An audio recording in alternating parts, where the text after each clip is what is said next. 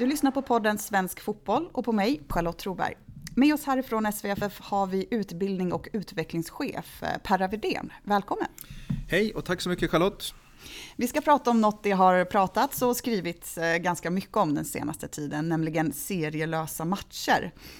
Vad är serielösa matcher? Ja, eh, det är precis som det låter tänkt säga. Vi, utifrån ett traditionellt serie och tabellsystem så tar man bort det för barn och barn, ska vi understryka, i Stockholmsfotbollen från 2024. Då. Och eh, man kan då istället välja vilken nivå man ska spela på. Eh, lätt, medel, svår. Man kan även spela på alla nivåer med samma trupp. Eh, man kan välja antal matcher man spelar. Och som jag sa, traditionellt i en serie så möter du varje motstånd två gånger. Här kan du få möta olika lag varje gång. Och Eh, du kan också i framtiden välja hur lång restid du vill ha, om du bara vill spela närområdet och så vidare. Så det, eh, det är ett eh, innovativt och spännande förslag från Stockholms fotbollsförbund. Gynnar det här barnen och deras utveckling och utbildning? Det tror jag det kommer att göra. Framförallt för att man nu kommer att kunna sätta ihop matcher på den nivån man är och ligger. Och även bestämma hur många matcher man vill spela per år. Exempelvis om man har en stor trupp där det, vi vet i de här åldrarna kan eh, skilja rätt mycket ur hur långt man har kommit i utvecklingen så kan man anmäla sig till ett lag till kanske en medel, en till lätt och kanske också till en svår när vi vet att det är en stor spridning i, i trupperna i den här åldern. Och också då få barnen att spela matcher på de nivåerna man är för tillfället. Vi vill ju ha jämna matcher. Hur ehm, ser du och SVFF på det här? Nej, men vi ser positivt på det.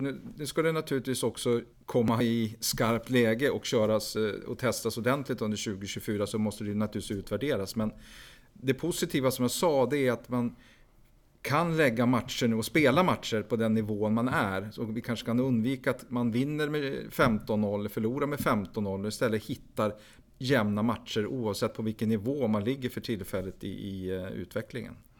Så eh, kan man säga att det gynnar alla barn då eller kommer det gynna vissa barn och lag mer än andra eller vad tror du där? Jag hoppas och tror också att det kommer att gynna alla barn. Uh, och det tycker det ska göra för att annars kommer man nog inte göra den här förändringen. Och återigen, då, så att man hamnar på den nivån man för tillfället är i utvecklingen. Det tycker jag är positivt. Vi får inte vara rädda för att eh, testa och spela med nivåindelning. Vi måste också låta bland de som har kommit längst i sin utbildning att få möta de som också har kommit längst i sin utbildning. Och även de som ligger lite efter möta sådana på samma nivå. Vilket gör att även de får ha bollen mycket mer, ta egna initiativ istället för att kanske då spela med sådana som har kommit lite längre och aldrig får röra bollen på en match exempelvis. Så jag ser positivt för alla barn.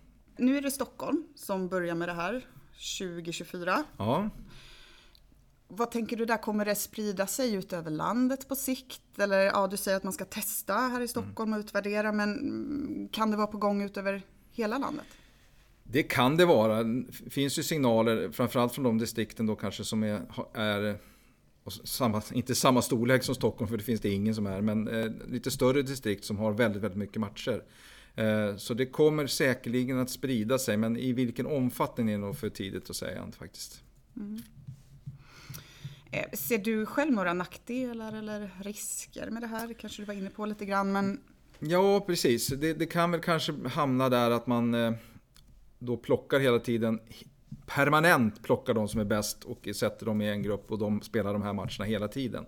Eh, så att vi hamnar i det här med selektering igen. Men jag, jag hoppas och tror att man anpassar nu eh, matcherna utifrån den truppen man har och kan variera de, även i nivåerna då, i de eh, matcher man anmäler sig till. Och även utifrån den ambitionsnivå och intresse som finns i, i, i laget eller inom truppen också så kan du anmäla, också anmäla hur många matcher du vill spela per säsong, vilket är positivt tycker jag. Vad jag hörde var att man kunde ändra det under eh, mm. säsongens gång. Mm. Mm. Eh, och det är ju bra om man upptäcker att oj, vi tappar några spelare här eller vi mm. blir eh, vi hinner inte eller så. Mm.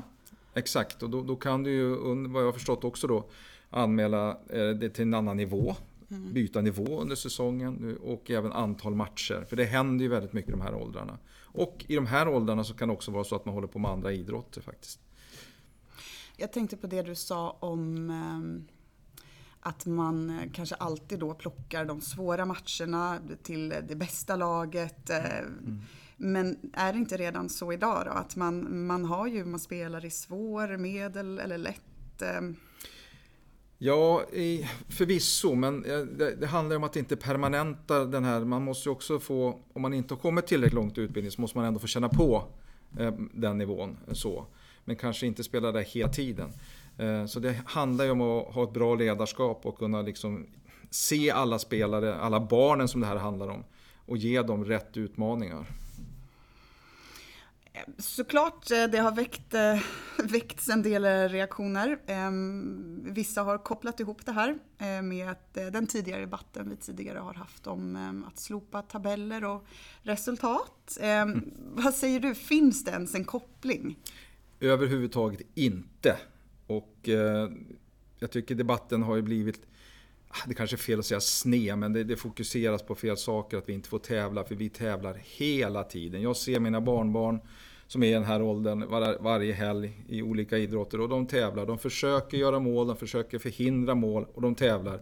Och de har full koll på hur det har gått i matchen och det är på deras villkor, på barnens villkor. Så det har ingenting att göra med tabellerna. Och vi kan ju konstatera också att liksom, många har ju trott att vi, det är bara Sverige som, som har så här. Men det är liksom 70% av de medlemsländer som har svarat på Uefas enkät har precis likadant som Sverige ungefär. Så att eh, nej, det har ingenting att göra med det. Men varför hamnar vi alltid i den diskussionen? Varför kommer den upp så lätt varje gång, känns det nästan som? Okunskap. Eh, och folk har för bråttom när man ska liksom man, man tar sig inte tid och skaffar sig insikter. Eh, och framförallt på sociala medier så läser man inte allting utan de som vill nu få den här debatten har ju rubriker som gör att det liksom Läser man inte allting så är det väldigt lätt att tolka det fel tycker jag. Så det, det handlar om okunskap. Men då skulle vi sammanfattningsvis då kunna säga att eh, du tycker det här är en bra idé?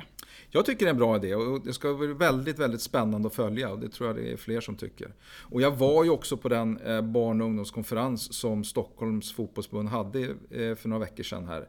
Och det var väl övervägande positiva reaktioner från de föreningar som var där angående serielösa matcher. Ja men Para, stort tack för att du kom hit och pratade om serielösa matcher som börjar alltså nästa år i Stockholm. Mm, tack, tack så mycket. Och tack till dig för att du lyssnade på den här lite kortare versionen av podden Svensk Fotboll. Har du tankar, idéer på ämnen du vill att vi ska ta upp så skicka oss gärna ett mail på podden svenskfotboll.se. Ha det fint, vi hörs!